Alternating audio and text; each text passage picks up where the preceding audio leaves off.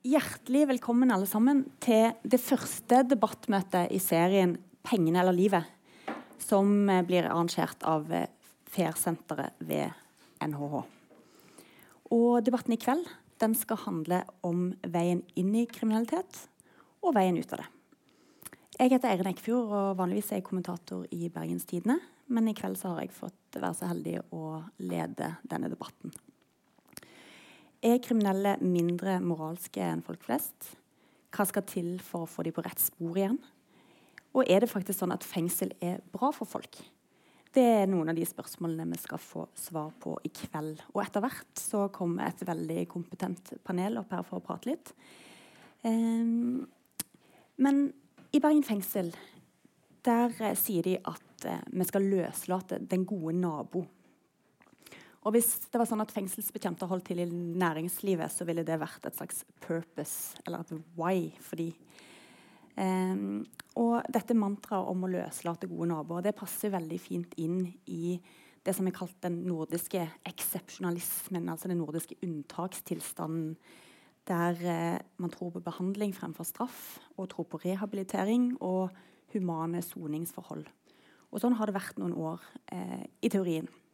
Men i virkeligheten så skjer det jo litt andre ting. Eh, det foregår en systematisk og skadelig nedbygging av kriminalomsorgen for tiden. Fengselsvesenet og psykiatrien blir tappa for ressurser, og det får selvfølgelig konsekvenser. BT har skrevet en serie eh, fortvilelsen på celle 6143. Og det er ganske rystende lesning.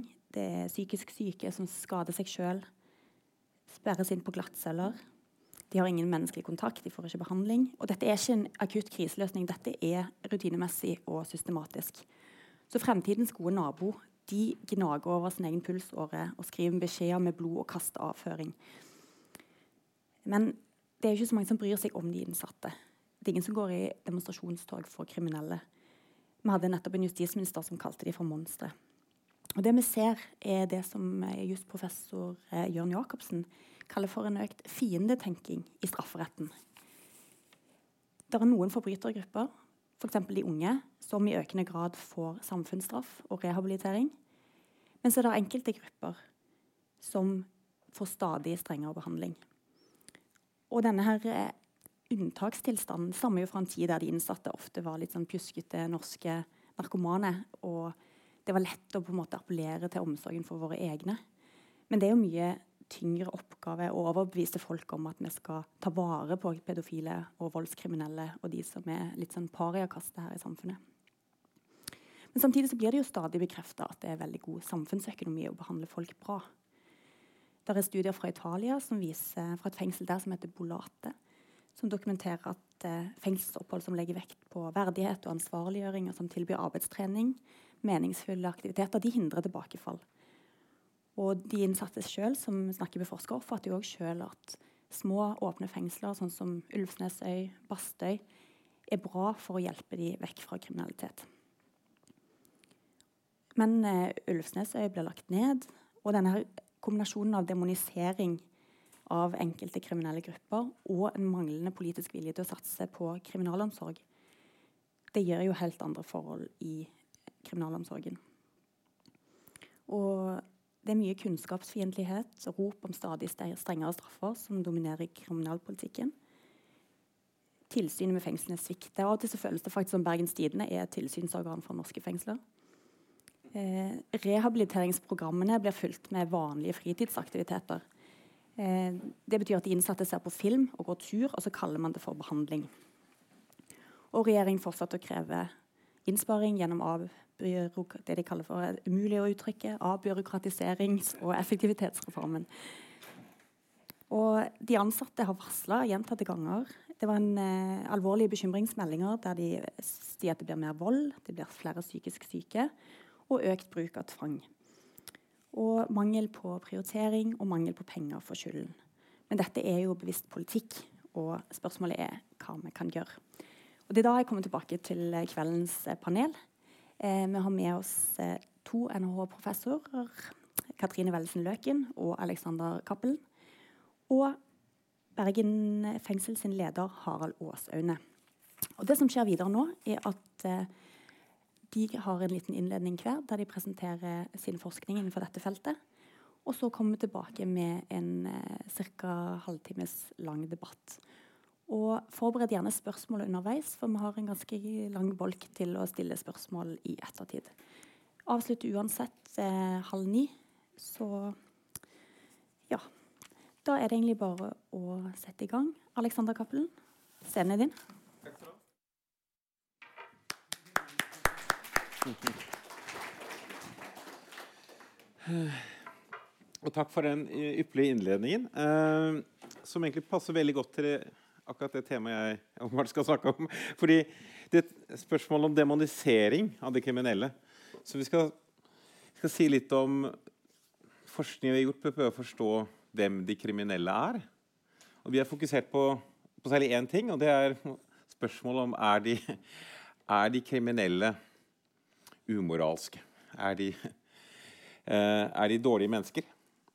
Mye av det som ligger bak demoniseringen, er en idé om at ja, de er dårlige mennesker. De er dårligere enn de som ikke er kriminelle. Og på en måte, Det er viktig å ta med en gang. Da. For det første så er dette jeg kommer til å snakke om, Det er selvfølgelig enkeltindivider. Men eh, i utgangspunktet så, man, så, er det gode grunner til å tro at kriminelle er dårligere enn andre. Fordi kriminalitet har store kostnader. Når du en typisk kriminell handling innebærer store kostnader både for samfunnet og for enkeltindivider. Og I den grad noen da har tatt beslutninger om å gjøre det, så er det kanskje rimelig å tenke at det er de personene som er tilbøyelige til å gjøre det, også er personer som legger mindre vekt på konsekvensene deres handlinger har overfor andre, enn de som ikke gjør det. Det er en veldig intuitiv tanke. Vi vet at det er mange andre ting òg. Masse forskning selvfølgelig på på, som, som, viser at hvilke om, uh, omstendigheter man vokser opp under, er viktig selvfølgelig for hvilke uh, før man ender opp i kriminalitet. Uh, psykiske lidelser, en lang rekke ting.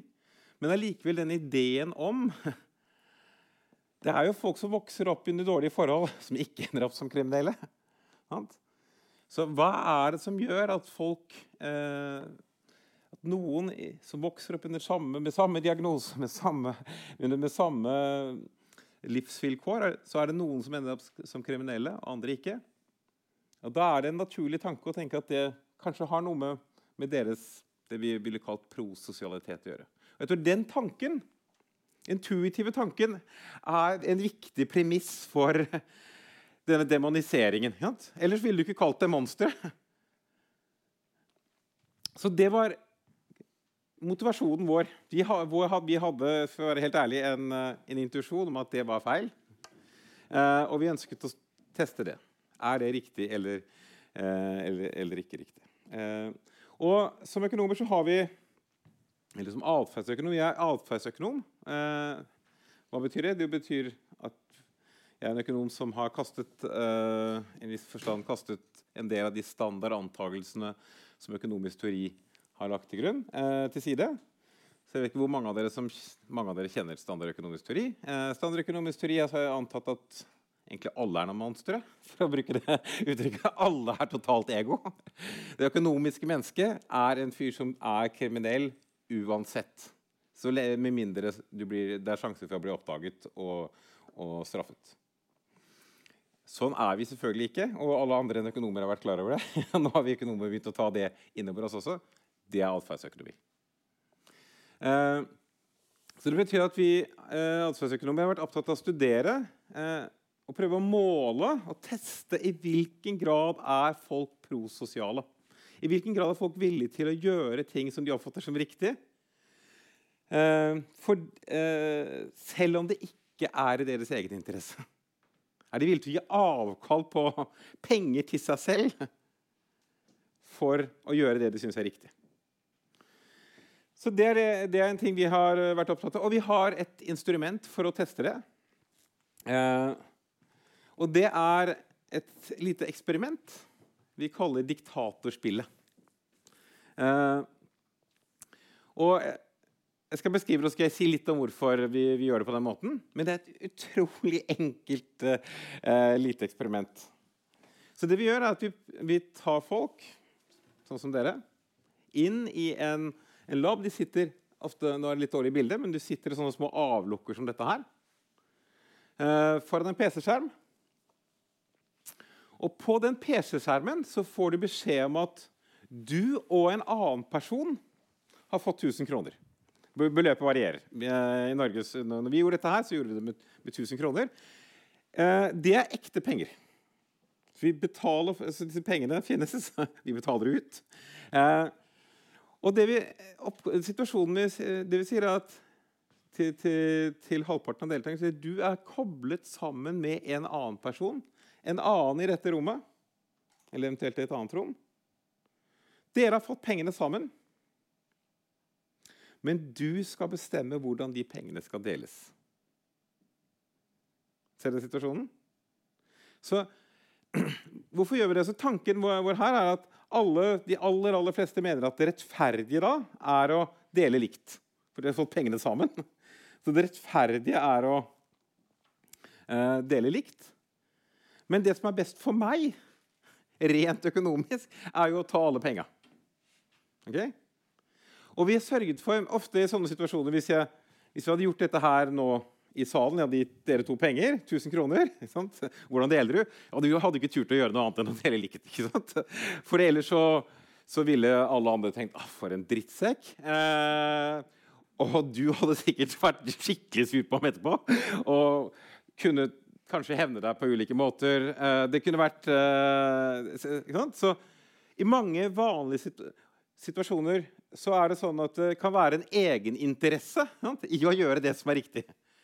Bare tenk på bedrifter som, opp, som er sjenerøse og gir bort penger til veldedighet. Det er ingen som kanskje tror at de gjør det bare av sin gode vilje. De gjør det fordi de tjener noe på det.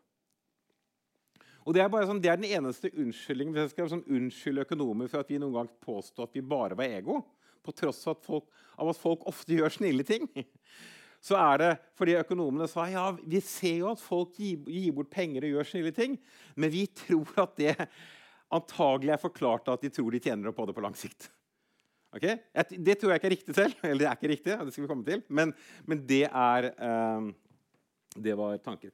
Så det vi gjør nå, er at vi tar vekk de motivene. For vi gjør det helt anonymt. Så når du skal dele penger, så vet ikke du at det er henne. Det kan være hvem som helst andre.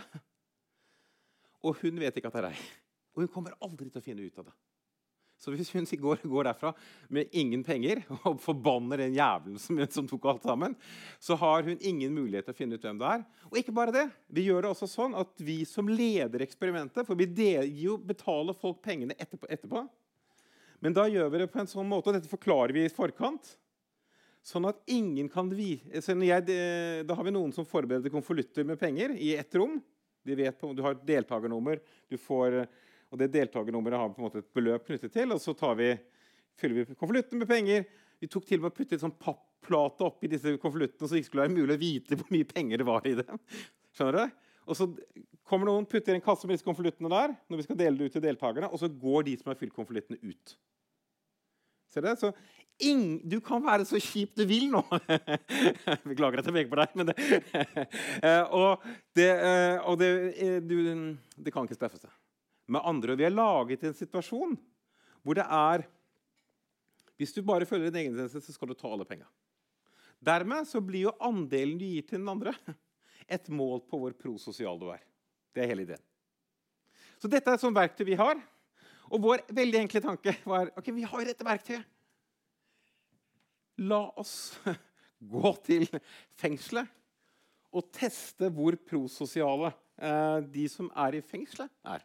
Gjøre akkurat det samme med dem. Vi har gjort det på NHH-studentene våre.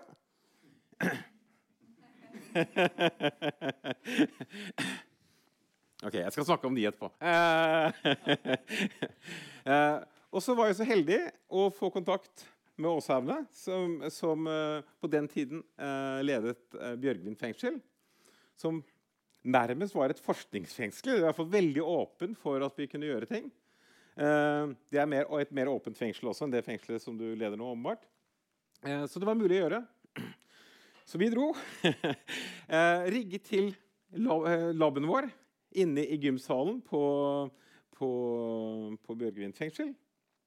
Vi tok ikke bilder der, naturlig nok, men, men ellers så, så det roughly sånn ut. Og så hadde vi Festlige bilder på. Eh, og så hadde vi eh, Hadde vi da Matchet vi to kriminelle, eller innsatte, som da delte 1000 kroner mellom hverandre. Ikke bare det, så gikk vi til Statistisk sentralbyrå og fikk dem til å, å gi oss lister på et representativt utvalg av den allmenne befolkningen med samme aldersprofil og samme kjønnsprofil, altså menn, eh, som det, den gjengen vi hadde i fengselet. Okay? Så vi hadde en gruppe å sammenligne med. Jeg sier representativt bare sånn delvis. Var, de var fra Bergen. Men, men uh, OK. Uh, bortsett fra det så var det Det var billig poeng.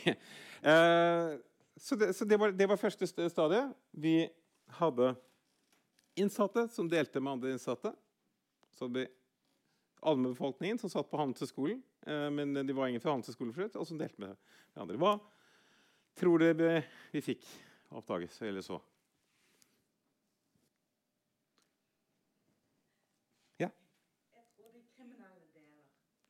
de kriminelle deler. Så bare for å sette det i perspektiv, så Hvis du gjør dette med handelshøyskolestudenter, så gir de ca. Altså, de gir litt. Eh, de gir ca. 20% av pengene. 200 kroner til den andre i snitt. Hvis du gjør det med kriminelle 400 kroner. Eh, det sier eh, Som er det samme som de gjør i allmennbefolkningen. Prikk likt som det de gjorde. Med andre ord, med utgangspunkt i dette så, så var den første konklusjonen Her ser det ut som de er like. Vi presenterte dette noen ganger. Ingen som trodde på det. og det er en god grunn til å ikke tro på dette. Hva er problemet med dette vi gjorde her første gang? Jeg skal ikke gjøre dette som metodeprøve. Men det, okay, det er problemet her at disse var jo i fengsel sammen. Sant? Så det er jo mulig at du Dels at de kanskje var litt usikre på om de ville finne ut av det, de andre allikevel. Eh, du må jo stole veldig på at, ikke, at det er anonymt. Eh, ellers så gir du mye til han. Okay. Eh, og så kan det hende at de kjente hverandre. De brydde seg mer om hverandre. Det er en liten gruppe. Okay? Så hva gjorde vi da? Uh, jo, vi gjorde alt sammen en gang til. Denne gangen litt mer komplisert, for denne gangen så hadde vi også folk i fengselet og folk utenfor fengselet. Men nå matchet vi dem. Real time. Så de som satt i, fengs i fengselet, kunne ta penger fra en som satt på Handelshøyskolen.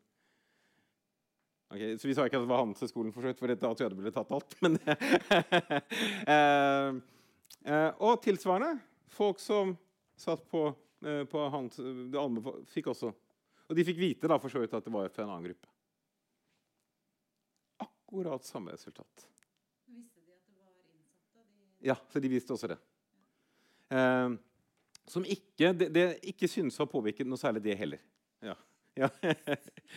eh, nå er det mange ting som kan være forskjellige. bare sånn det, så, så eh, det, det morsomme med dette må jeg si husker du, vi, vi, vi, hadde første møte vi skulle introdusere dette, dette eh, eksperimentet. Vi måtte jo rekruttere folk. De var jo frivillige å delta.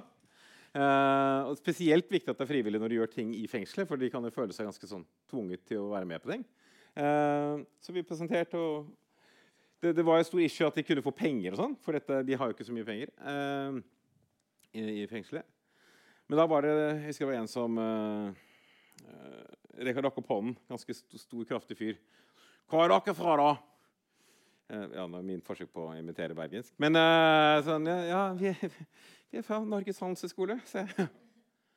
Norges handelshøyskole, ja. Så det er sånn det er monkey business, det her, da!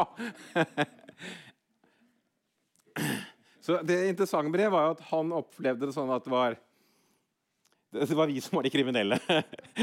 og det hadde hun litt rett i. Eh, hvis du sammenligner med studentene våre. Ok. Hva er problemet med dette her igjen? Så enda, enda så var det ingen som ble helt overbevist av dette.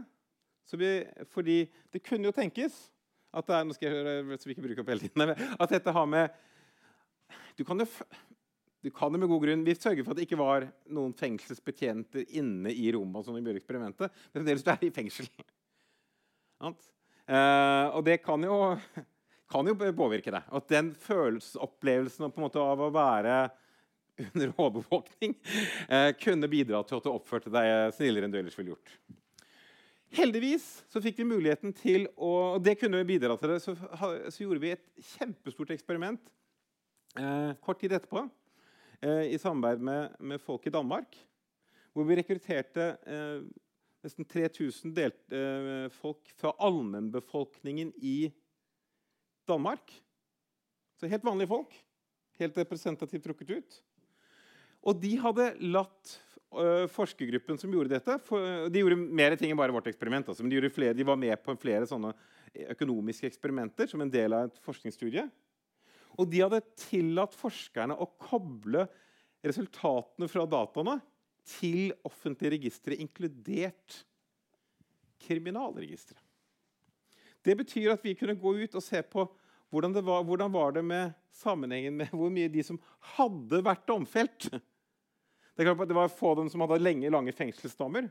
Men, eh, men, men, eh, men, det er en overraskende stor andel som faktisk har domfellelser. Og, og igjen finner vi akkurat det samme. De som har vært domfelt, og de har jo ingen opplevelse av dette dreier seg om å teste eh, kriminelle versus andre. De har opplagt ikke under overvåkning. Eh, nøyaktig samme andel eh, gitt til den andre. Samme nivå på prososialitet. Det eneste litt interessante med dette, er at selv om vi har litt for få observasjoner det er litt, det, Så vi får ikke signifikante resultater, men hvitsnippkriminalitet, økonomisk kriminalitet der er det tegn, De som er dømt for det, er det tegn på at var noe mindre prososiale. Som, som jo ville eh, føles ganske naturlig. Så med andre ord, kortversjonen eh, av dette egentlig er at eh, det må være noe annet. De kriminelle i snitt Det er selvfølgelig viktige og, og unntak. Vi var, gjorde dette på et lavsikkerhetsfengsel. bare så det er sagt. Riktignok med en veldig sammensatt gruppe. så Selv om det er et lavsikkerhetsfengsel, så var det innsatte som, eh, som hadde lengre dommer, som tilbøyer det siste året sitt der. Så vi har en veldig nesten representativt utvalg av de, eh, av de innsatte. Men det er, det er veldig få i vår gruppe som er uh, som har veldig veldig strenge dommer. Så, så, det er viktig å huske. Så dette betyr jo ikke at det ikke finnes grupper av kriminelle som, som kanskje med rette kan beskrives uh, som, som ville vært annerledes. Dette gjelder gjennomsnitts, si, gjennomsnittskriminelle i Norge. Uh, vi tror dette er et viktig bidrag, for det viser de, sier, gir jo ikke svar på hvorfor man blir kriminell. De på en måte tvert imot sier det, men de sier at det er én ting som det ikke er, nemlig bare dårlig moral. Uh, og Det betyr at det må være andre ting. Og jeg tror kanskje det aller viktigste, det er jo viktig for å, når vi skal tenke rundt straff. For mye av tanken rundt straff er dreier seg om at dette er veldig veldig dårlige mennesker, og vi skal, vi skal hevne oss på dem. Og det er lite i våre data som tyder på det. Ok, takk.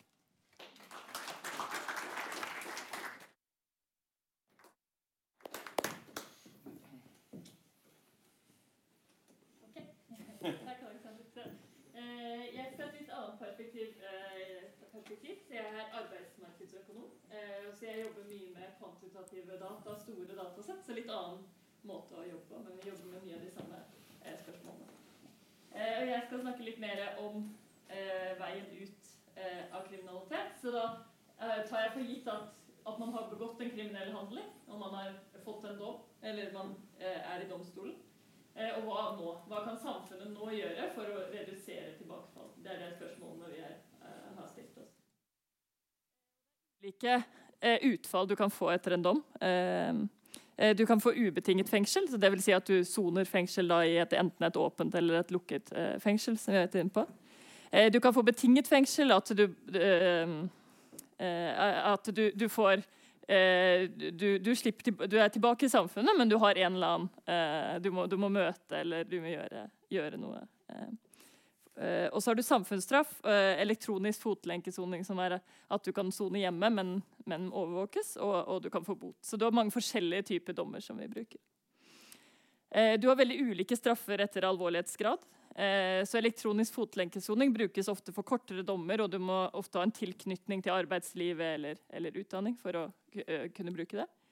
Eh, og fengsel brukes ofte for lengre dommer, eh, strengere straffer, og det er ofte mindre tilknytning til eh, arbeidslivet. Eh, I norske fengsler så er det et veldig stort Hvis du sammenligner med andre land, eh, spesielt eh, i USA, så er det veldig ofte et stort fokus på rehabilitering gjennom arbeidstrening, utdanning og rusmestring. men sånn som Eirin Eikefjord var inne på litt, så har det vært en litt sånn ned fra det politikerne. så har det vært en sånn slags sånn idé om at, at, at, vi har mer enn nok, og at vi nå kan egentlig bare bruke mindre penger eh, på dette. Jeg kommer litt tilbake til det etterpå. Eh, så Et av de spørsmålene vi har, stilt da, i vår forskning, det er om, eh, om, denne, eh, om, norske fengsler med et stort fokus på rehabilitering faktisk fører til mindre tilbakefall. Eh, og dette har vi ikke visst. Vi kan, vi kan si at fengslene er gode, og vi kan, eh, vi kan måle tilbakefall. Men så vidt vi vet, hvert fall, så er det ingen studier som har linket faktisk forhold i fengsel med om det fører til at man gjør mindre kriminalitet etterpå. Eh, så jeg, jeg tenkte å bruke fem minutter nå på å bare fortelle dere kort hva vi har gjort, og hva vi finner. Og så vi, kanskje litt om hva vi kan gjøre bedre, eller hva vi kan gjøre videre nå, og hvordan vi kan, eh, hvordan vi kan få kanskje enda mindre tilbakefall også i Norge. Eh, så den studien vi har sett på, det er en studie som ser på, eh, på, effekter av å være i fengsel i, i Norge. Eh, og den store utfordringen og grunnen til at veldig få har sett på dette, det er at det er ikke tilfeldig hvem som får fengselsstraff. så tenk dere at vi bare sammenligner en av dere nå med en som har fått fengselsstraff, og ser hvem av dere som begår kriminalitet. Så er det da mye høyere sannsynlighet for at den som har vært i fengsel, også vil begå kriminalitet, enn en av dere. Eh, og dermed ser det ut som han har vært i fengsel, og han gjør mye kriminalitet, så han har høy eh, tilbakefallsrate. Men det er ikke dere som er sammenligningsgruppen for han. Vi burde sammenligne da med noen som er helt lik samme type, samme bakgrunn, men som da ikke fikk eh, fengselsstraff. Så hvordan får vi til en sånn tilfeldig variasjon i dataene? Så det vi, vanlig, det vi, kanskje aller helst ønsker å bruke, det er et sånn eksperiment som Alexander bruker, hvor vi tilfeldig gir noen penger og andre ikke, eller tilfeldig sender noen i fengsel og noen ikke. Og da kan vi si at dette er effektene av fengsel. Eh, men etisk er det helt umulig å sende folk tilfeldig i fengsel. Det, er, det, det, det kan vi ikke gjøre. Eh, og da har vi metoder for å prøve å finne tilfeldigheter i data som gjør at vi kan på en måte mimere en slik eh, tankegang. Da. Eh, og det vi har brukt i vårt, eh, vårt paper, det er at eh, når du kommer til domstolen og har en sak, så er det tilfeldig hvilken dommer man får på saken. Så hvis du, har, hvis du har begått en kriminell handling, og den saken er ført til domstolen, i tingretten i Bergen f.eks., så er det sånn at neste dommer på roteringslisten får saken den dagen. Og Pga. denne tilfeldigheten så kan du ikke selv velge dommer. Så du kan ikke selv velge en snill dommer eller en streng dommer osv. Eh, og så er det slik at Dommere dømmer ulikt for samme type saker. Og Det er noe som vi viser i et datasett hvor vi har eh, alle dommerne i Norge over eh, en 15-årsperiode. I løpet av denne perioden har dommere sett nesten 500 saker i snitt. så kjempemange saker. Og i snitt er disse da sakene helt like. Så Noen ganger ser du en, en, en voldsdom, noen ganger ser du en narkotikadom osv. Eh, og så finner vi da at gitt alle disse sakene, så dømmer den strengeste dommeren 58% av sakene i, i feng som fengselsdom. Eh, og den minst strenge dommer 34% av sakene i fengselsdom. Og da er alt annet likt. Så dette er da samme, liksom, samme type. Så gitt at du ser da en narkotikadom, så er det 58% sannsynlighet for fengsel. Samme narkotikadommen for den dommeren som er minst streng, 34% sannsynlighet for fengsel. Så det er stor variasjon i hvordan dommere dømmer samme type saker, som dermed gir tilfeldighet om du får en, får en eh, fengselsdom eh, eller ikke. Og Denne variasjonen er det vi da bruker til å få sånn bruke, om, Hvis du ser den tilfeldigvis får denne dommeren, så, så, er det stor sannsynlighet for at du får fengselsdom, og så sammenligner vi det med samme type eh, eh individ som da ikke får eh, fengselsdom fordi han tilfeldig møtte en mindre streng dommer. Eh, så hva finner vi når vi bruker, eh, bruker, denne variasjonen? Jo, vi finner at de som kommer i fengsel, eh, og alternativet er som regel da samfunnsstraff eller betinget fengsel, for de som møter da en mindre streng dommer, de har mye mindre sannsynlighet for en ny tiltale innen de neste fem årene. Og da er de ikke i fengsel. De aller fleste har sluppet ut etter jeg tror snittet er seks måneder i fengsel. De aller fleste som er i fengsel, er der i noen få måneder, og så slipper de ut. Og hvis du ser på de da fem år etterpå, så er det mye mindre sannsynlighet for de har begått kriminalitet. Eh, og dette er illustrasjonen av dette. Så den øverste det er de som ikke kommer i fengsel. Fem år etterpå så det, har de i snitt 13 eh, tiltal, tiltaledommer. Eller tiltaler. Eh, så charge, det er en, en tiltale. Eh, mens de som har kommet i fengsel, de har kun eh, tre eh, tiltaler. Det er stor forskjell på de som eh, tilfeldig kommer i fengsel fordi de møtte en da, streng dommer, med de som ikke kom i fengsel fordi de møtte mindre streng dommer. Eh, så det andre vi finner er at det er samme individene som deltar på arbeidsmarkedstrening gjennom fengsel, altså en eller annen form for rehabilitering, som også øker sannsynligheten for å arbeide. Så vi har stor forskjell på om de jobber eller ikke. De som var i fengsel fem år etterpå, har 50% sannsynlighet, mer sannsynlighet for å ha en jobb. Eh, og det er også de som da ikke begår Eh, kriminalitet. Så det er virkelig gjennom sånn rehabilitering av arbeidsmarkedet som gjør at de har mindre tilbakefall. Og dette er drevet av de som ikke hadde jobb før de fikk dom. De som allerede hadde en jobb, der ser vi ingen, ingen effekt eh, av å være i fengsel. Så det er de som ikke hadde en jobb, som får effekter av denne eh, rehabiliteringen. Eh, så jeg har et par ting, eh, ting til. Sånn, eh, i, i, den studien vår så, så, bruker vi også Norge som et eksempel for andre land. Så det, vi, det, ser ut til at det er noe vi gjør riktig i fengsel i Norge i forhold til å redusere eh, tilbakefall. Eh, og Hvis du ser på en del andre land, så er det ikke, er det ikke slik. Det, det, og hvis de om noe, så finner de nesten alltid det motsatte. Eh, og Det vi har i Norge, det er en kombinasjon av korte dommer. vi har fokus på rehabilitering og åpne fengsler. Og vi har et fleksibelt arbeidsmarked som også kan ta imot mange av disse når de har arbeidstreningen og, og, og kommer ut. Eh, og Det er det mange land som ikke har, og de mangler kanskje alle tre. Eh, USA er et eh, land som har en høy, veldig lange fengselsstraffer. Veldig lite fokus på rehabilitering og veldig lite fleksibelt arbeidsmarked. Og her ser du også som regel at det ikke går bra med de som kommer i fengsel. Eh, USA eh, er de landene som er på topp i den grafen der òg. De fengsler mer enn, mer enn, syv ganger så mange eh, av populasjonen sin enn det, enn det Norge gjør. For eksempel. så Norge er ikke sånn sett et representativt land i forhold til mange andre land. men jeg tenker at vi går foran som et land som, hvor vi gjør mye, mye rett. men det betyr ikke at vi skal gi oss. Det er fortsatt høye tilbakefallstall. Det er ikke sånn at ikke veldig mange kriminelle gjør kriminalitet, selv om det er ikke sånn at vi fikk de ned til null. Eh, og et førsteprioritet er å ikke kutte i offentlige eh, budsjetter for arbeidstrening. Det er virkelig gjennom arbeidstreningen at vi ser denne effekten her. Eh, og dette, de dataene vi brukte, var fram til 2009, for vi måtte følge de i fem år. Så det kan hende at de nyere tallene ikke har like stor effekt. Men vil, og vil arbeidstrening utenfor fengselet eh, fungere? For det er et spørsmål vi veldig ofte får. for vi, Hvis det er arbeidstrening, hvorfor kan vi ikke bare gi disse arbeidstrening utenfor fengselet? Eh, og der, eh, Det har ikke jeg forsket på, men litteraturen der viser ofte at det er vanskelig å få folk til å ta imot den treningen hvis ikke du har rammene og tvinger en til å gå eh, på disse eh, programmene. Så det kan hende, men det, det, det har vært utfordrende å få eh, folk på slik trening utenfor fengsel.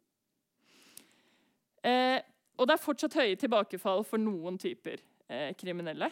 Og hva gjør vi med alle de som ikke arbeidstrening fungerer for? Eh, så det er ikke sånn at det fungerer for alle. Så de som allerede har en jobb, der fant vi ingen effekt av å være i fengsel. Eh, og her har det vært et stort fokus etter 2009 på å bruke mer av dette fotlenkesoningen. som jeg nevnte. Og Der er det en del lovende studier som også viser at dette er bra for tilbakefall for de som allerede er i jobb. Så mest sannsynlig burde vi bruke fotlenkesoning for denne gruppen av individer. Så vi, Vår studie sier ikke at fengsel burde være for alle. Vi burde ha ulike eh, typer eh, eh rehabilitering for ulike typer grupper individer. Eh, det andre er en sånn glippsone som jeg har diskutert mye med, med fengselsansatte. som at det er, eh, Ofte så glipper de rett etter soning. Du tar de igjen i, i, i, eh, i arbeidsmarkedstrening, du hjelper de, og så glipper de med en gang de kommer ut. Eh, og her har vi en ny planlagt studie på, eh, sammen med, med Bjørgen fengsel, som vi skal se på om tilgang på nye nettverk og treningsmuligheter etter soning om det kan ha en effekt på eh, tilbakefall. Så her ønsker vi å lære mer om hva som skjer etter, etter soning. Okay. Eh, så helt til slutt så har vi en del nye forskningsprosjekter ved FER om eh, kriminalitet. Bare for å, eh, så det, forhåpentligvis kan vi snakke mer om dette, men dette vet vi ikke svarene på ennå. Så det vi ser på er for eksempel, Hva er kostnaden av å bli et offer for kriminalitet? Så Vi har fått tilgang nå på data på alle som har blitt et offer for kriminalitet i Norge de siste jeg tror vi har 20 år nå tilbake i tid. Så vi ønsker å se mer på, eh, på den siden av, eh, av eh, saken. Det er veldig mange som, er et, som blir et offer i, i, Norge for kriminalitet. Og hva har det å si for arbeidsmarkedsutfall, for helse og for, for livskvalitet? hvordan påvirker skolevenner og arbeidskolleger av at noen blir et offer? hvordan påvirkes nettverket rundt den kriminelle at noen kommer i fengsel? Og et siste spørsmål vi ser på er Hvordan påvirker familiepolitikk og kvinners økte arbeidsmarkedsdeltakelse sannsynligheten for vold i, i, familien? Så det er veldig ulike spørsmål her, men dette er i hvert fall ting som vi jobber med, med om dagen. Takk for meg.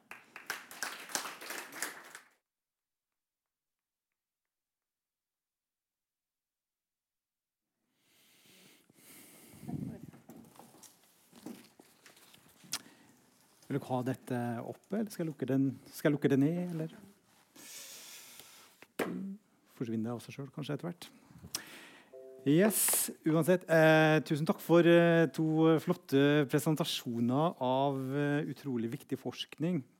Eh, fordi eh, det er veldig viktig eh, med forskning på de tingene her. Og det som er litt sånn overraskende, da, det er jo når vi hører sånne presentasjoner som det her, så tenker vi liksom, ja, hvorfor er det så lite forskning på de områdene her? da? For det er jo veldig lite forskning.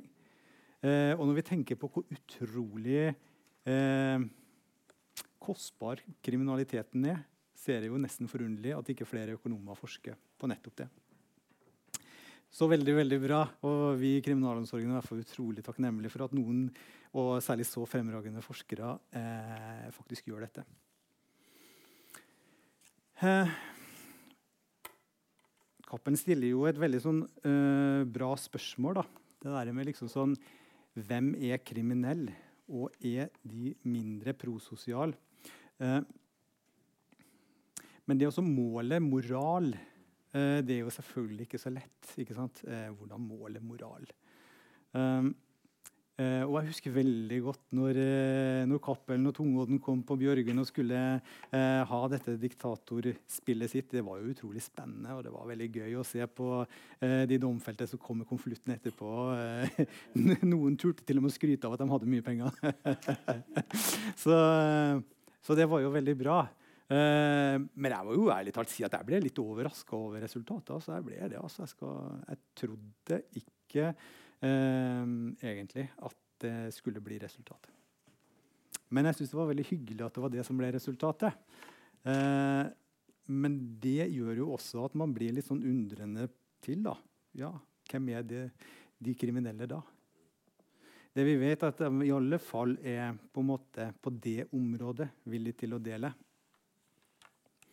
Eh, og på det området kanskje prososial. Eh, men når man snakker snakker om på en måte dette med moral, så er det jo selvfølgelig fristende å gjøre som alle andre og gå til Løgstrup. Eh, som sier den enkelte har aldri med et annet menneske å gjøre uten at han holder noe av dets liv i sin hånd. Det er jo ofte der vi går og henter dette. liksom, ja, Er de villige til å ta ansvar? Og så kan man se på koblinga mellom det å ta ansvar eh, og det å ha en god moral, eller det å være på en måte prososial. Og det vi i alle fall kan si, eh, det er at eh, de var nok ikke villige til å ta akkurat det ansvaret når de begikk den kriminelle handlingen som hadde det offeret. Det tenker jeg i alle fall er viktig å ha med seg. fordi vi har jo ofte tenkt på liksom sånn, ja, hvilke svakheter eh, og brister har disse kriminelle. Fordi at eh, Skal vi gjøre noe mer, så må vi vite noe om det.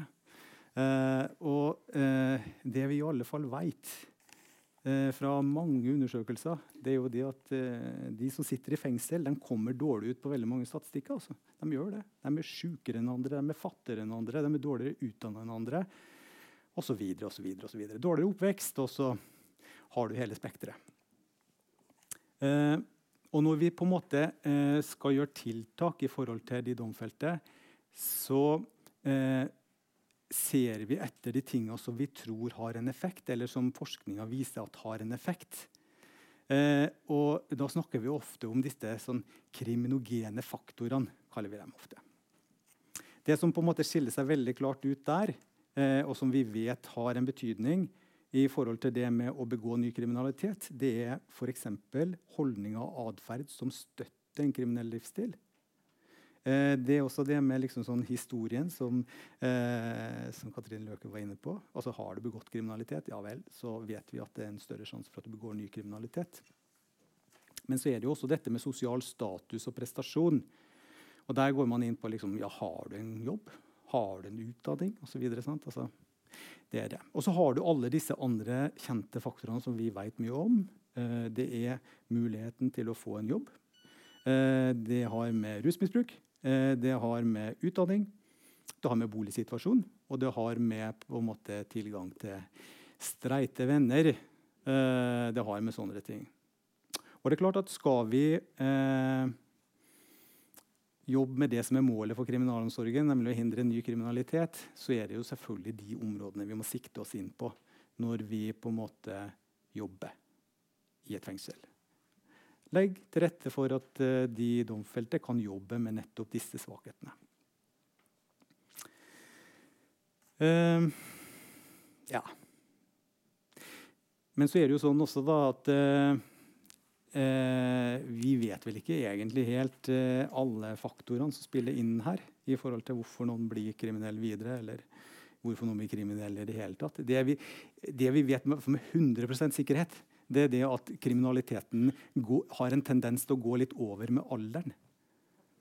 Sånn at, altså, folk har en tendens til å bli mindre og mindre kriminelle dess eldre de blir.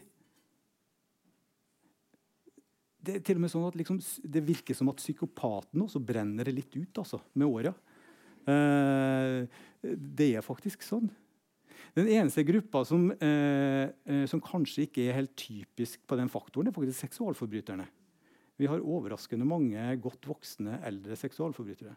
Men for alle de andre eh, på en måte, eh, gruppene så ser det ut til å gå over med alderen. Så det er ikke det at jeg sier at alle skal sitte veldig lenge i fengsel, sånn at de er skikkelig gamle når de slipper ut.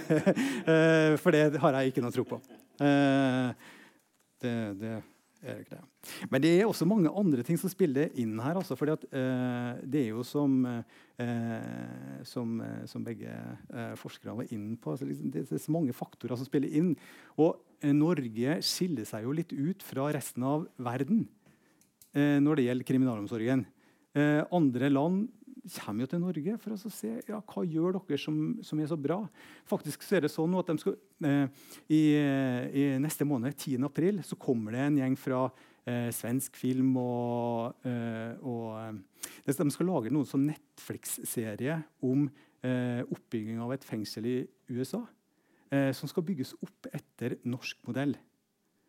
så kommer de da til, til, til bl.a. Bergen. og Halden og litt sånn forskjellige fengsel. Og så skal noen av dem som skal jobbe i det nye fengselet som skal åpne i Philadelphia, følge norske eh, på en måte fengselsbetjenter. Litt sånn shadowing. Eh, og så skal de bygge det opp i Philadelphia fordi at det ser ut til at vi lykkes med noe av det vi gjør. Og hvorfor lykkes vi med det vi gjør, da?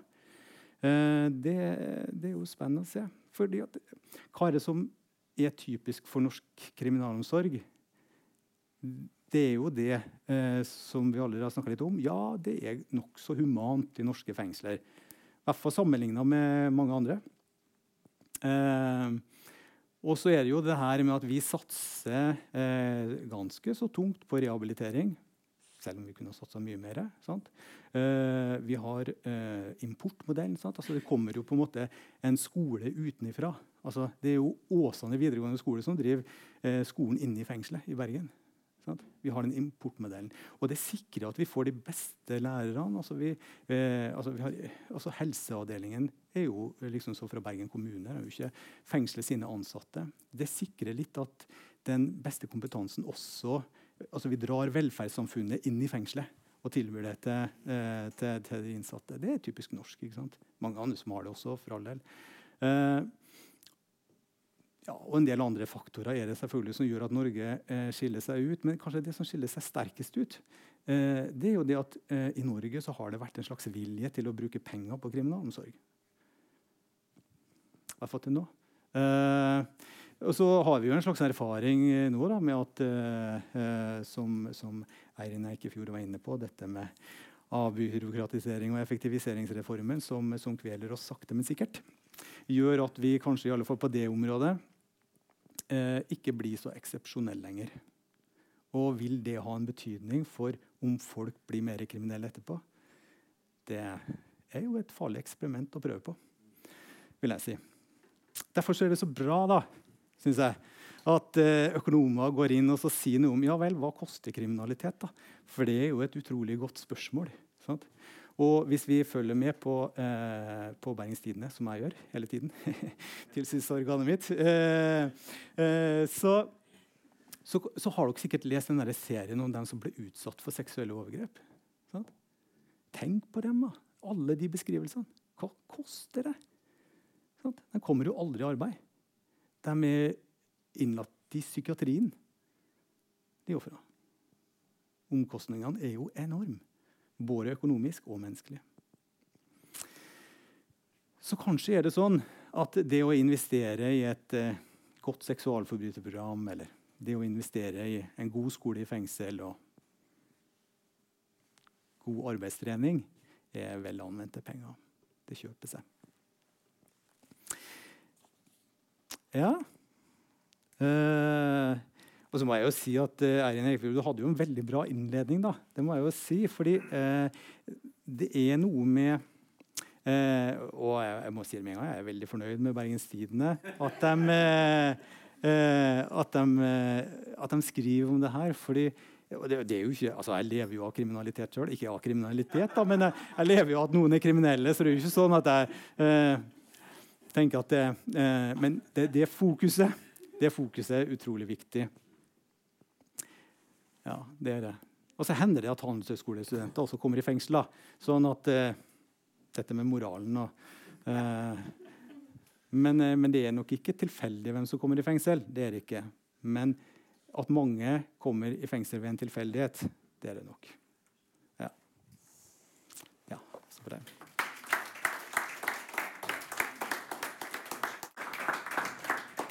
Tusen takk for veldig mange interessante innspill. Nå skal vi sette oss her og diskutere litt eh, det som har kommet fram.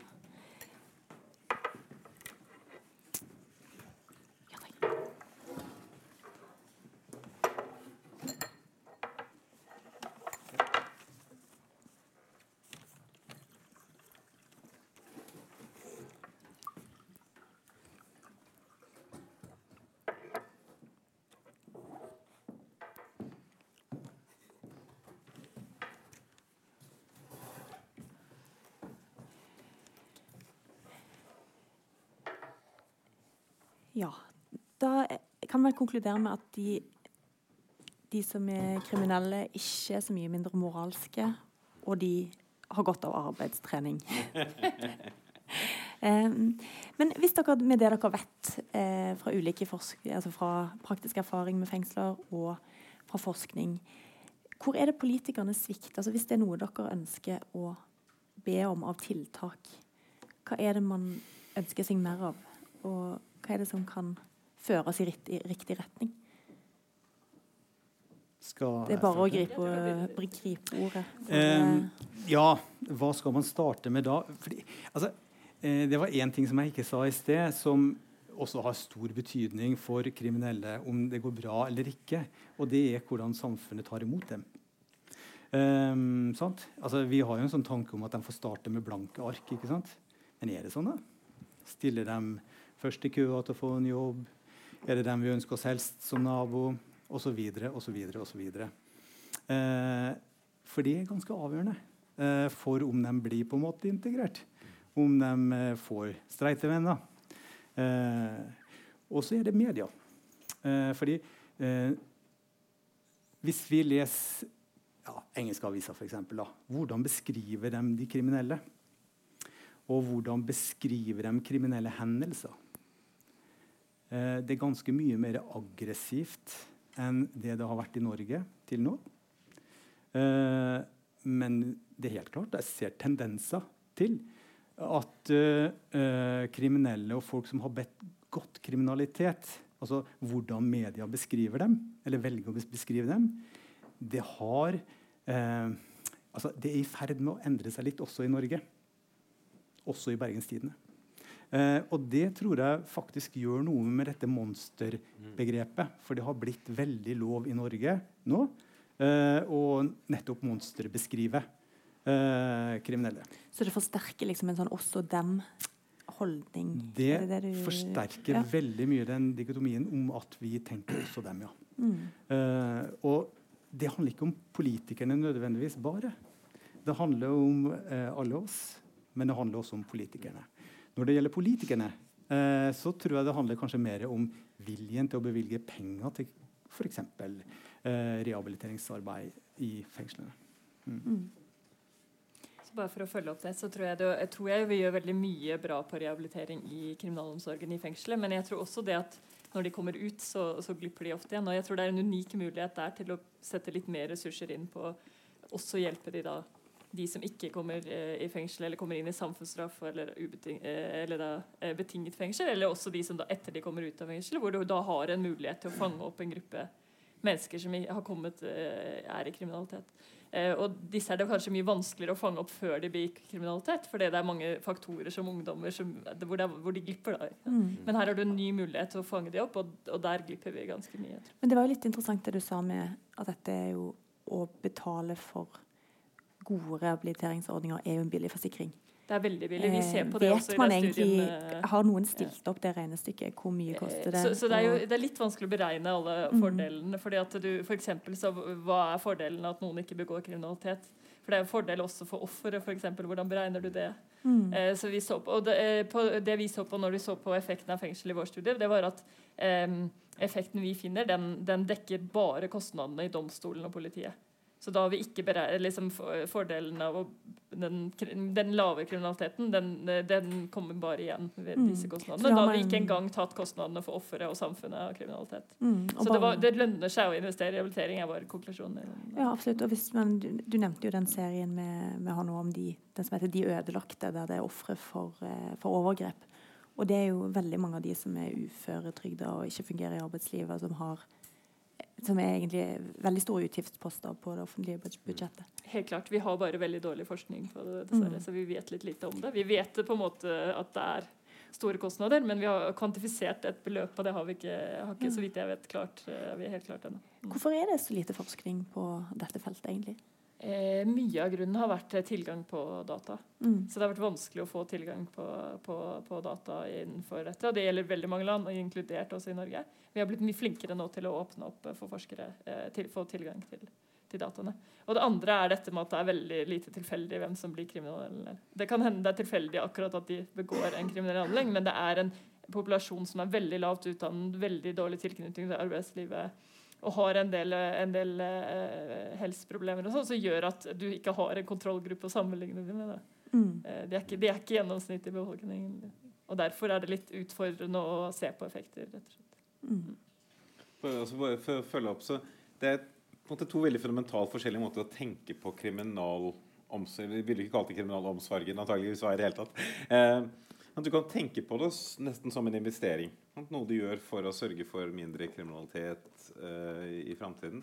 Uh, men du kan også tenke på det som straff. Sant? Og det, det er klart det der skiftet der men når allmenne, for Dette dreier seg ikke bare om politikere, det dreier seg om velgere òg. Allmennbefolkningens oppfattelse av, av, av, av dette. Det er I det øyeblikket du tenker at dette er noe som primært skal være ille fordi det skal være en straff Den logikken står i fundamental motsetning til det å nei, vi skal gi dem arbeidstrening, og de skal ta filosofikurs, og de skal gjøre utrolig med, de skal trene og de skal lære seg gode ting, som er fantastisk bra. Og det, det kan vi dokumentere med hensyn til eh, til rehabilitering og redusere sjansene for at de kommer tilbake igjen. Men det reduserer jo straffeelementet. Når du beskriver hvordan et norsk fengsel ser ut for en amerikaner? Det blir sikkert et morsomt poeng i den serien. så, så, så reagerer de eh, sterkt. For det, det virker som de får altfor gode forhold i forhold til at dette skal være straff. Og det, det, det er veldig viktig å bekjempe den, den tenk, tenkningen.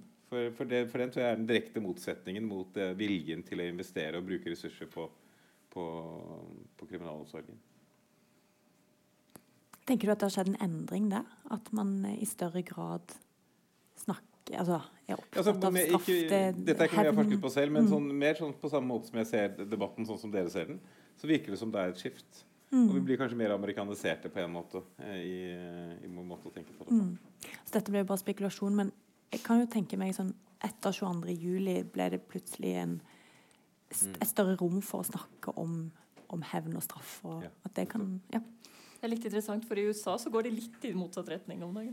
Mm. Det er, nå er det jo mange ting som skjer der borte som gjør at de går litt fram og tilbake i politikken, men, eh, men det er en viss sånn, der, det er en viss sånn eh, reformtenkning der hvor de ønsker mer rehabilitering, kortere fengselsstraffer og en del stater som har åpnet for mer. er, er, så det går litt i bølger, dette her. Mellom, mellom er de inspirert av eh, oss eller Norden? Vet du hvor det, Eh, hvor det kommer fra? Det, har, det, noen, ja, jeg tror det har vært en del eh, fokus på eh, sånn den serien. Og så har det, han Michael Moore lagde jo en serie om Mm. Bastøy fengsel. Jeg tror det har vært en del eh, fokus på det. Mm. Men eh, vi har jo skrevet litt om disse her rehabiliteringsprogrammene som blir satsa mindre på, er mindre tilsyn. Altså, er det medier som svartmaler igjen, eller, eller sliter dere med å få nok ressurser og nok penger til å gjøre de tingene som, som man vet at er bra? Eh, hvis jeg skal liksom starte litt eh, i forhold til det, så eh, nei. Det er ingen svartmaling. Det er faktisk den reelle situasjonen. Det er helt reelt at Bergen fengsel avdeling Osterøy er nedlagt. Det er helt reelt at vi har ja, ca. halvparten så mange i, i ulike program i dag i forhold til hva vi hadde for ti år siden. Og det er helt reelt at eh, tiden eh, ansatte har sammen med domfelte, er kraftig redusert. Eh, så det er, det er helt riktig. Og så kan man spørre seg er det en, på en måte en villet og ønsket utvikling av kriminalomsorgen, eller er det et resultat av at vi ja, ikke ønsker å bruke så mye penger lenger i det offentlige? Eh, det kan man jo eh, eh, lure på. Fordi at jeg tror nok at eh, altså Det har jo vært ganske eh, stor enighet i Norge om hvordan drive straff. Altså, eh, det har jo ikke på en måte sprikt så veldig politisk. De eh, rimelig enige om at domfelte skal behandles bra i fengsel. Men så ser vi jo det at sparing i det offentlige har blitt et, et eh, høyt mål for, eh, for politikerne nå. Eh, og da vil jeg jo si at det er liksom gøy da, at økonomene kommer på banen og sier at ja, men, ja, men altså, vi sparer jo ikke penger. Vi kommer til å så, vi kommer, det, det blir dyrt. Eh, det er jo spennende. Spare seg til fant. Mm, ja. Ja. Vi lar være å investere. ja, riktig. Men Katrine var inne på denne her glippsonen der sant, akkurat, Det er ganske sånn eh, sårbart tidspunkt der eh, idet man slipper ut av fengsel. Er det noen form for oppfølging i det hele tatt? Er det et område man har hatt for lite fokus på? Å prøve å følge opp folk i um, ja Uh, altså Det med å vite helt sikkert hva som virker i forhold til eh, at folk ikke skal begå ny kriminalitet, det er som sagt ikke, det er ikke bare enkelt. Det er, eh, det er mye god forskning som foregår på det området der. Eh, men vi vet at dem som greier å integrere seg i samfunnet på et eller annet vis, Um, og som ikke har for uh, prokriminelle holdninger, de har jo langt større sjanse til å lykkes. Og da er det på en måte liksom samfunnets vilje til å ta dem inn da, i det ordinære og vanlige. Uh, vi må jo huske at liksom sånn, Med det dårlige utgangspunktet mange av dem her har, med dårlig utdanning, liten arbeidserfaring, så kommer de i fengsel, kanskje får de en utdanning. Eh, og kanskje får de arbeidstrening. og Så kommer de ut, sliter med å få en jobb, sliter med å få en bolig. Eh, kanskje sliter de med å få venner. Eh, så det er nok mange her som trenger eh, ja, å bli tatt vare på når de kommer ut. Da. Og, eh, og da spørs det jo litt hva vi eh, som samfunn er villig til da, eh, i forhold til det. Eh, og så ser vi at altså, Det med kriminalitet det forandrer seg jo litt eh, hele tida. Fordi når vi nå snakker, så snakker vi kanskje om de kriminelle, og så tenker vi på dem som ruser seg, og dem som stjeler, og dem som eh, slåss i fylla på byen og sånne ting. Men det er veldig mange grupper, og vi ser jo at den gruppa som øker mest nå, det er jo nettkriminalitet. Altså Folk som titter på barneporno, folk som eh, titter på overgrep på nettet, folk som begår svindel på, på nettet. Det er jo det som er den på en måte sterkest voksende gruppa. Og dem vet vi jo forsvinner lite om. Eh, fordi mange av dem går i arbeid. Mange av dem er godt utdanna og har eh, gode skills altså, på, på IT. Eh, så dette bildet her er jo ikke bare sort-hvitt. Det er ikke Mm. bare de fattige, dårlig fungerende eh, som blir kriminelle, og som koster masse penger. Eh, så eh, ja, hvordan vi skal møte dem i fengsel, det, ja, det blir, blir jo en utfordring framover. Mm. Mm. Kommer du til å forske mer på det, Cappelen? Altså det å se på ulike kriminelle grupper Gå mer i dybden på dette? Eh, det er vanskelig å gjøre eh, den typen forskning. Eh, så, så jeg tror den biten av det Det var mange når vi gjorde dette, som var opptatt av at vi skulle se på spesielle grupper.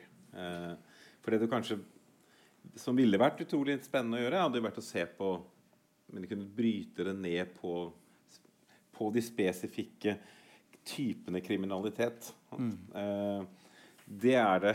Vi har for få kriminelle i Norge, egentlig. Eh, det høres ut som ja, det er en dårlig spøk, men det, men det, er, det, det er få eh, av, av kanskje de gruppene som man ville tenkt mest på. Så det tror jeg er vanskelig. Det som jeg tror kanskje som ville vært spennende, og som vi vil oppfordre andre til å gjøre, og det er nok folk i vår gruppe som gjør det, i hvert fall, det, det er å se på så hvis de, Det vi gjorde, var jo å se på dem i en se, hva gjør innsatte i en situasjon hvor de er, eller kriminelle i en situasjon hvor, hvor ting er veldig rolig og stabilt. og De sitter nå og tar et valg. Det er jo ikke den typen situasjon hvor kriminalitet ofte oppstår. Det er i, i situasjoner hvor du kanskje mister selvkontroll, hvor du blir provosert. Altså, et så viktigere skritt her videre er jo for, for, for vi, vi, Det eneste vi gjorde, var egentlig å eliminere en, en mulig forklaring. Men det må jo være en forklaring. Og, tror, og det dreier seg ikke bare om livssituasjon. Selv om det er en viktig ting, så er det folk i samme livssituasjon som gjør ulike valg. Så det er noe annet her òg. Og det å gå videre i det, så tror jeg det er spesielt det å se hvordan eh, det, det, man håndterer situasjoner hvor man eh, er i sterk agitasjon og sterke følelser. Det tror jeg er et viktig skritt videre. Utfordringen er å kunne gjøre det på en forsk forskningsetisk måte. Litt som Katrine sier, vi kan ikke putte folk tilfeldig i fengsel. Eh, og vi kan ikke heller, det er grenser for hva vi kan utsette folk for i et eksperiment. Selv om selvfølgelig de har mistet 1000 kroner. Eh, hvis du hadde blitt fratatt de, så kunne vi kanskje se hvordan du reagerte på det hvis du fikk muligheten til å hevne deg. ja. Tenk så mye spennende du kunne gjort. ja. uten, Så eh, kanskje vi, kommer tilbake. Ja. Jeg så faktisk en litt spennende studie som ble presentert på NHH i går av en forsker i UC San Diego, eh, som fant at, eh, at hun så på store tiltak i USA som fikk mange til å slutte å røyke.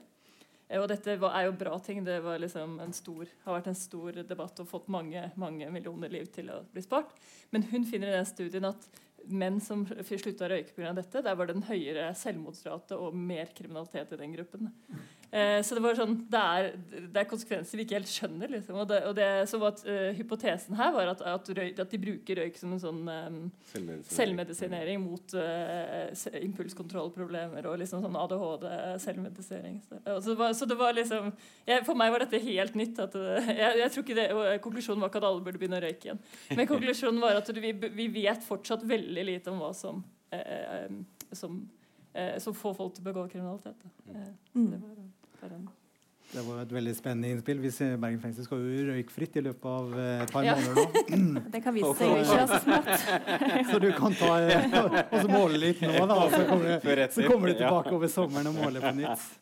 Uh, så det kan jo bli et spennende eksperiment. da. Uh, så røykeloven skal nok tre inn der også.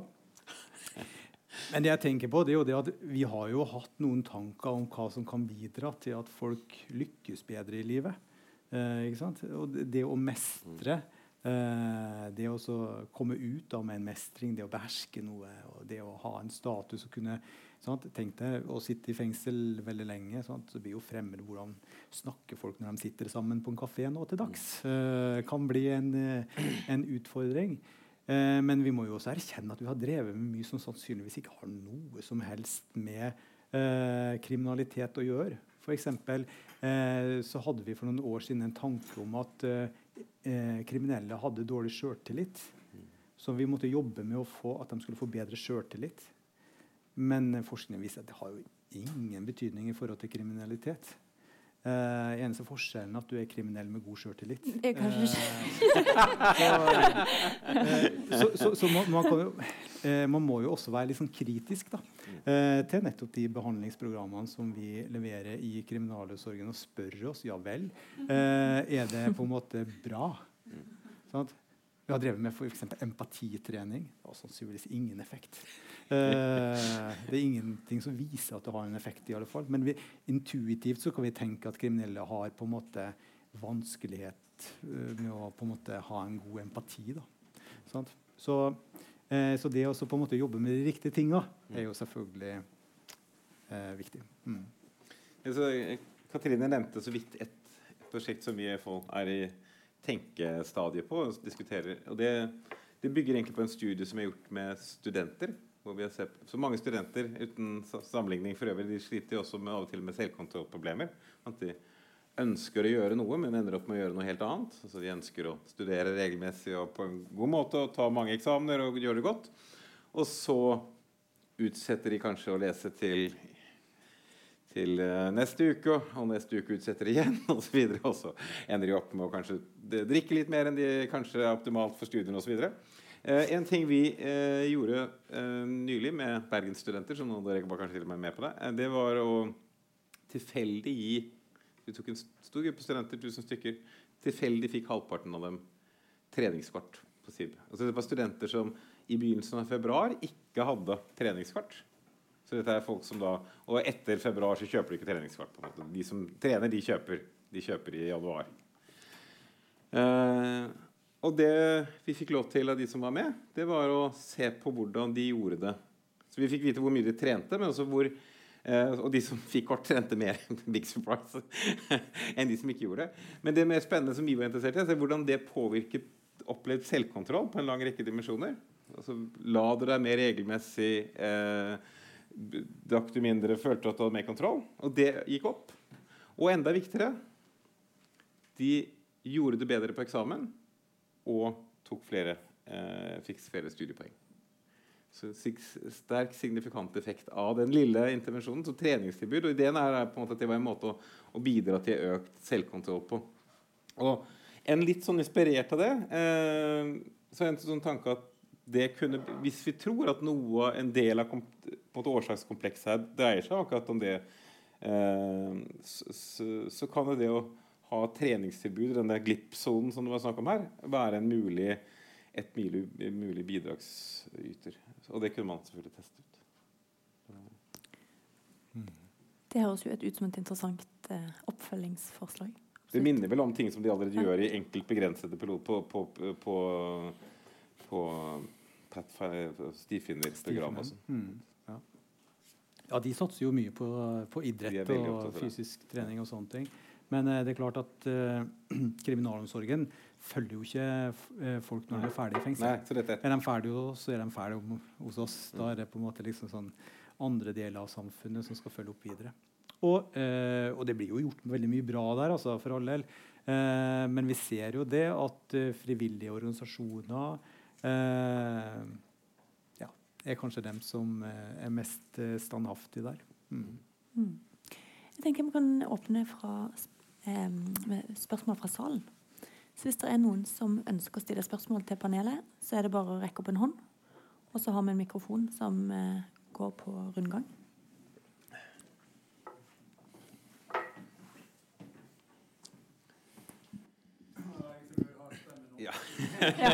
Det er bra.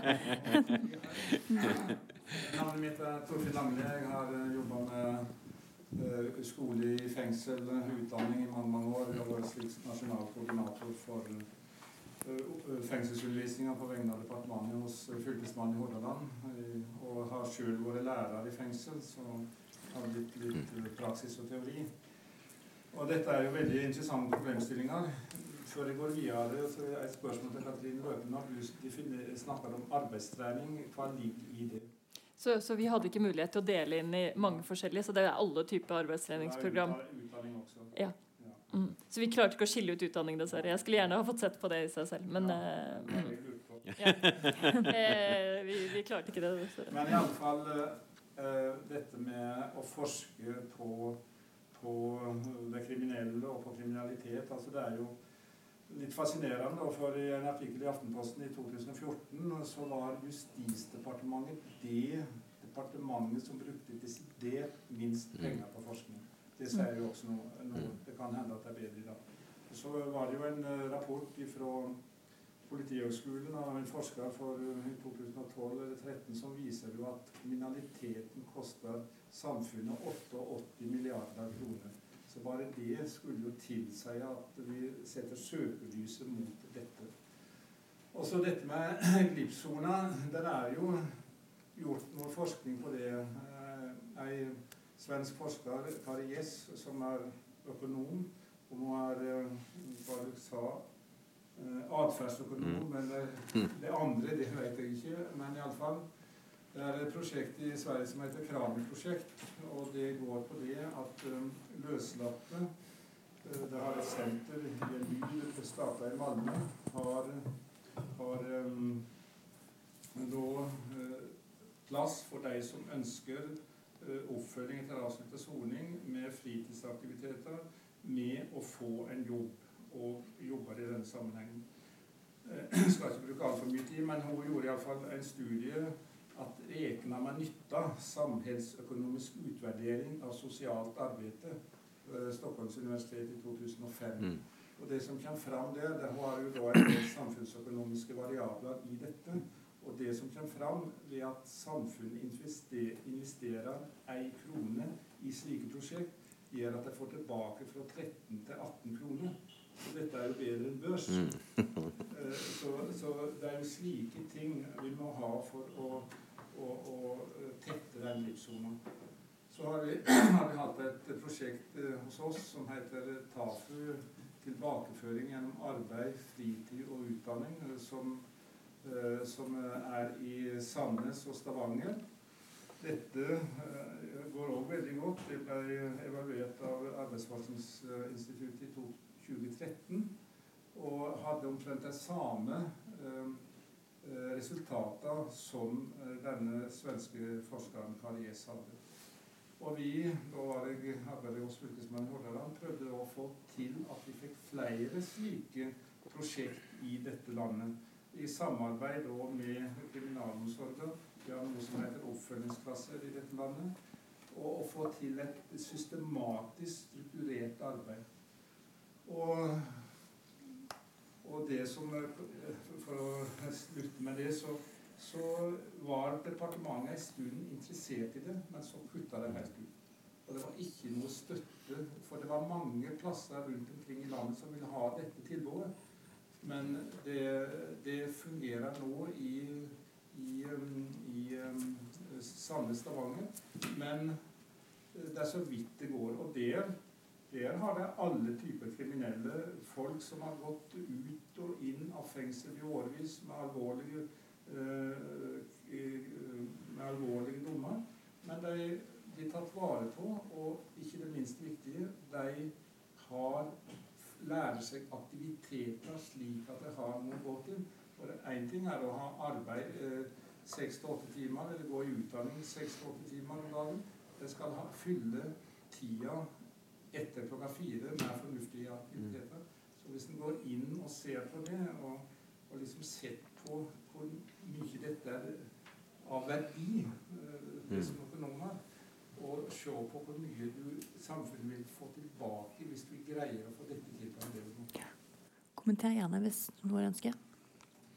Nei, jeg syns dette var kjempegode eksempler på at vi burde satse mer penger på, eh, på både kriminalomsorgen og glippsonen. Eh, helt enig. For- så tallene er jo enorme. Altså hva kostnaden eh, en, en, en del av kriminaliteten som vi ofte ikke snakker så mye om når vi snakker i denne typen sammenheng, det er jo den økonomiske kriminaliteten.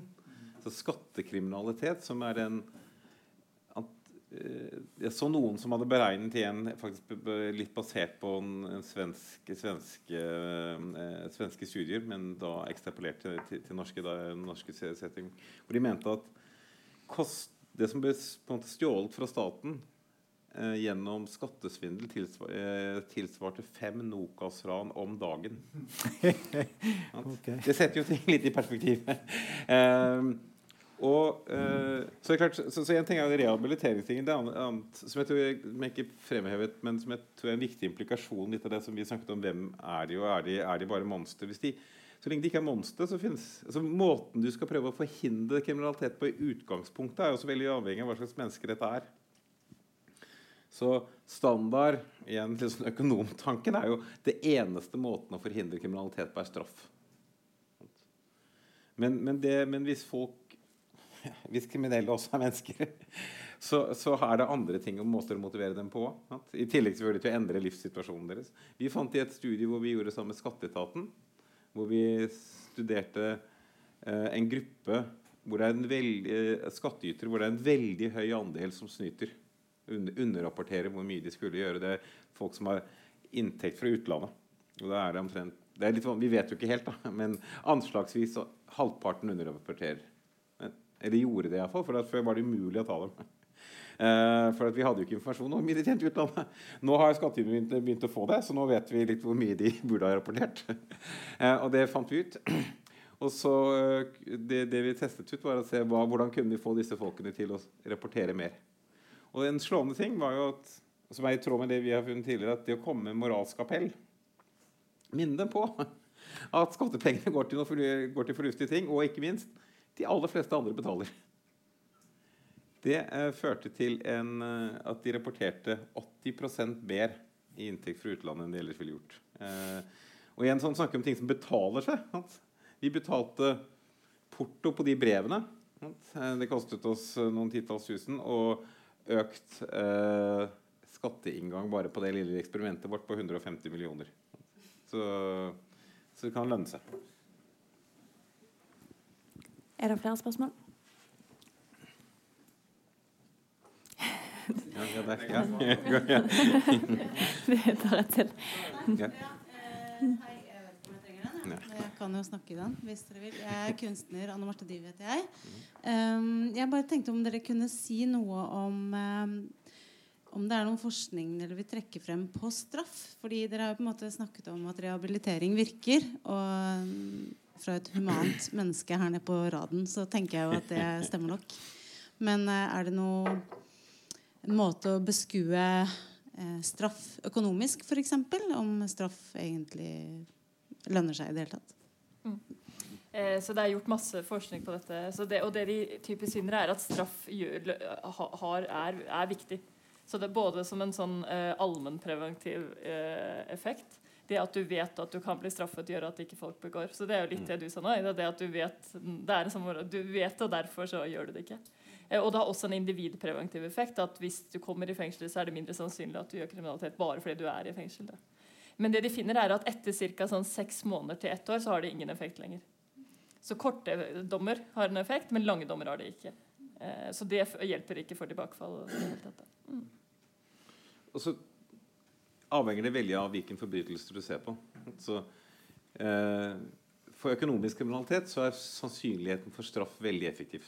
For det er en del som sitter og regner på uh, så, så, så, regner på dette. Du, du gjør det med et klart hode.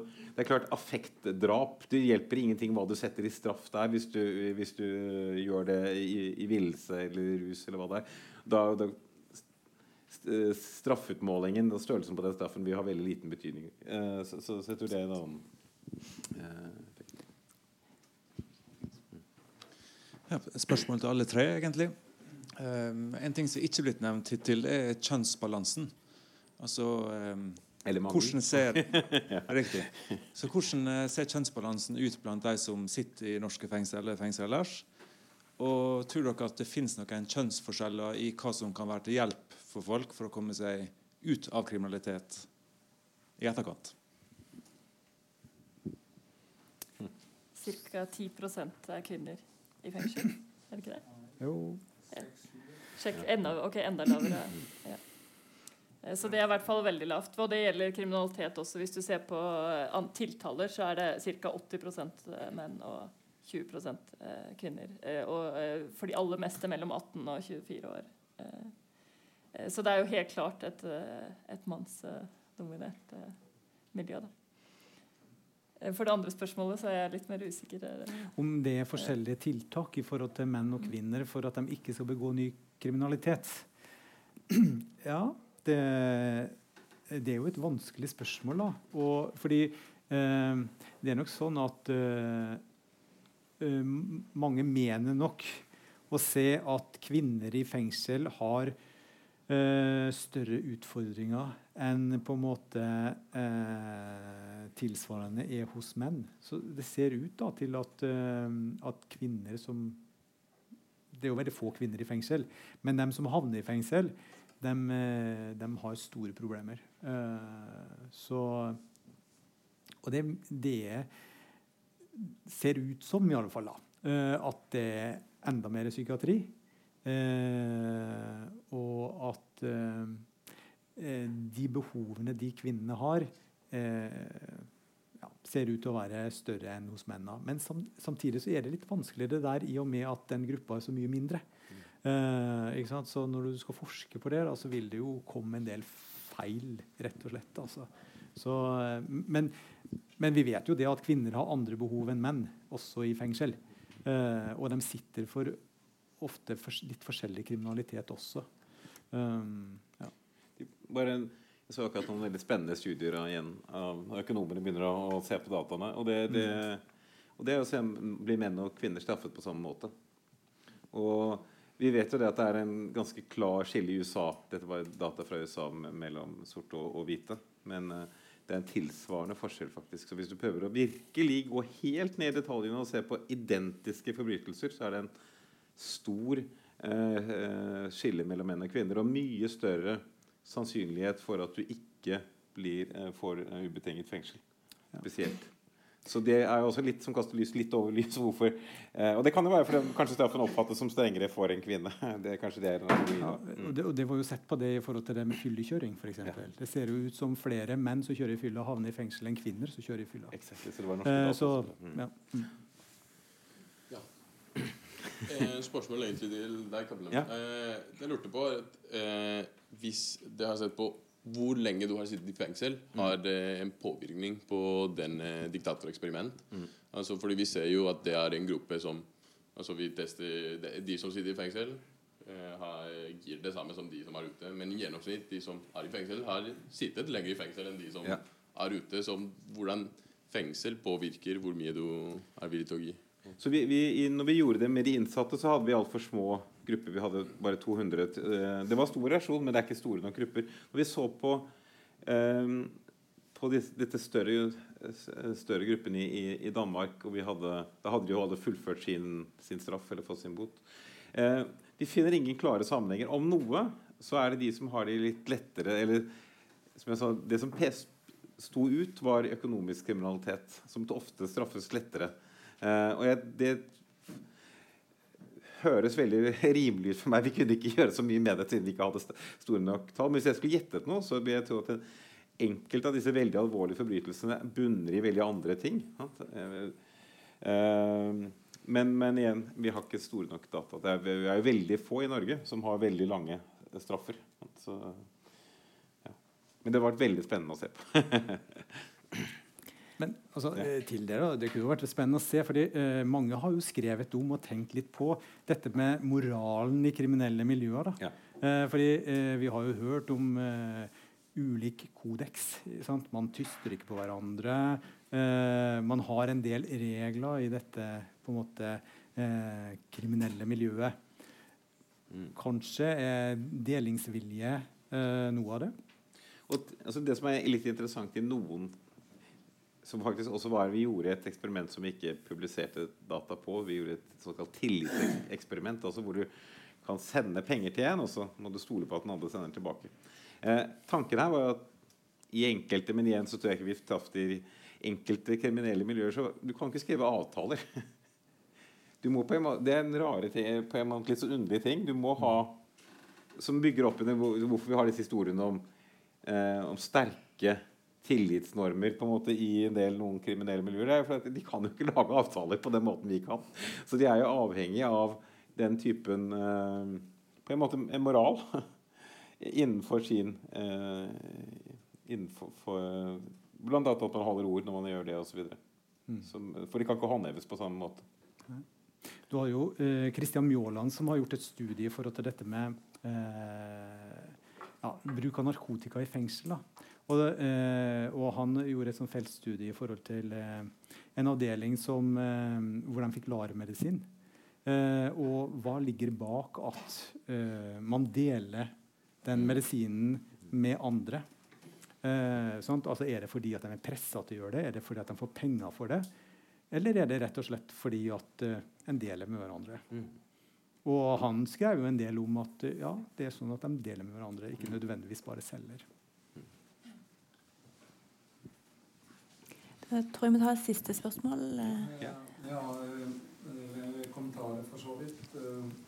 Professorene Terje Manger og Asbjørnsen ved Universitetet i Bergen har gjort mange studier omkring fangenes utdanningsbakgrunn, arbeidssituasjon og ønsker og, og behov framover. Det som er interessant, at, at denne gruppa her er det ca. 70% som ønsker utdanning i fengsel. Det er jo veldig positivt. Og eh, litt høyere prosent, 74% er fornøyd med den utdanninga de får i fengsel. Og da er det jo veldig viktig å følge dette opp når de blir løslatt, slik at de kan holde fram enten i arbeid eller i utdanning. Så mm. det er jo òg veldig viktig å forske på. Jeg tror at, at det at økonomer går inn og forsker på dette For økonomien kan kanskje få politikere mm. til å forstå litt mer.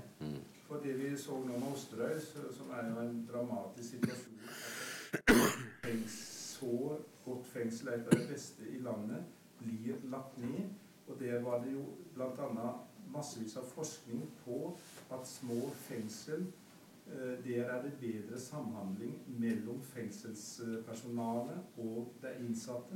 Eh, Sjøl kriminalomsorgs eh, KRUS, kriminalomsorgsutdanningssenteret, jo forska på det, og det brukte de ikke. Så Bergens Tidende har gjort veldig mye på dette, men jeg oppfordrer om at er noe systematisk norsk kriminalomsorg Få ta den oppfordringen med oss ja. videre. Jeg har en kort kommentar eh, til slutt, hvis noen har eh, avsluttende bemerkning. Og så blir vi nødt til å avslutte, for da er klokken eh, straks halv ni. Eh, en kommentar som jeg ikke har nevnt eh, så langt. og det er jo det, eh, Men Katrine var inne på det. altså nå er det jo mange som gjennomfører straff ute i samfunnet.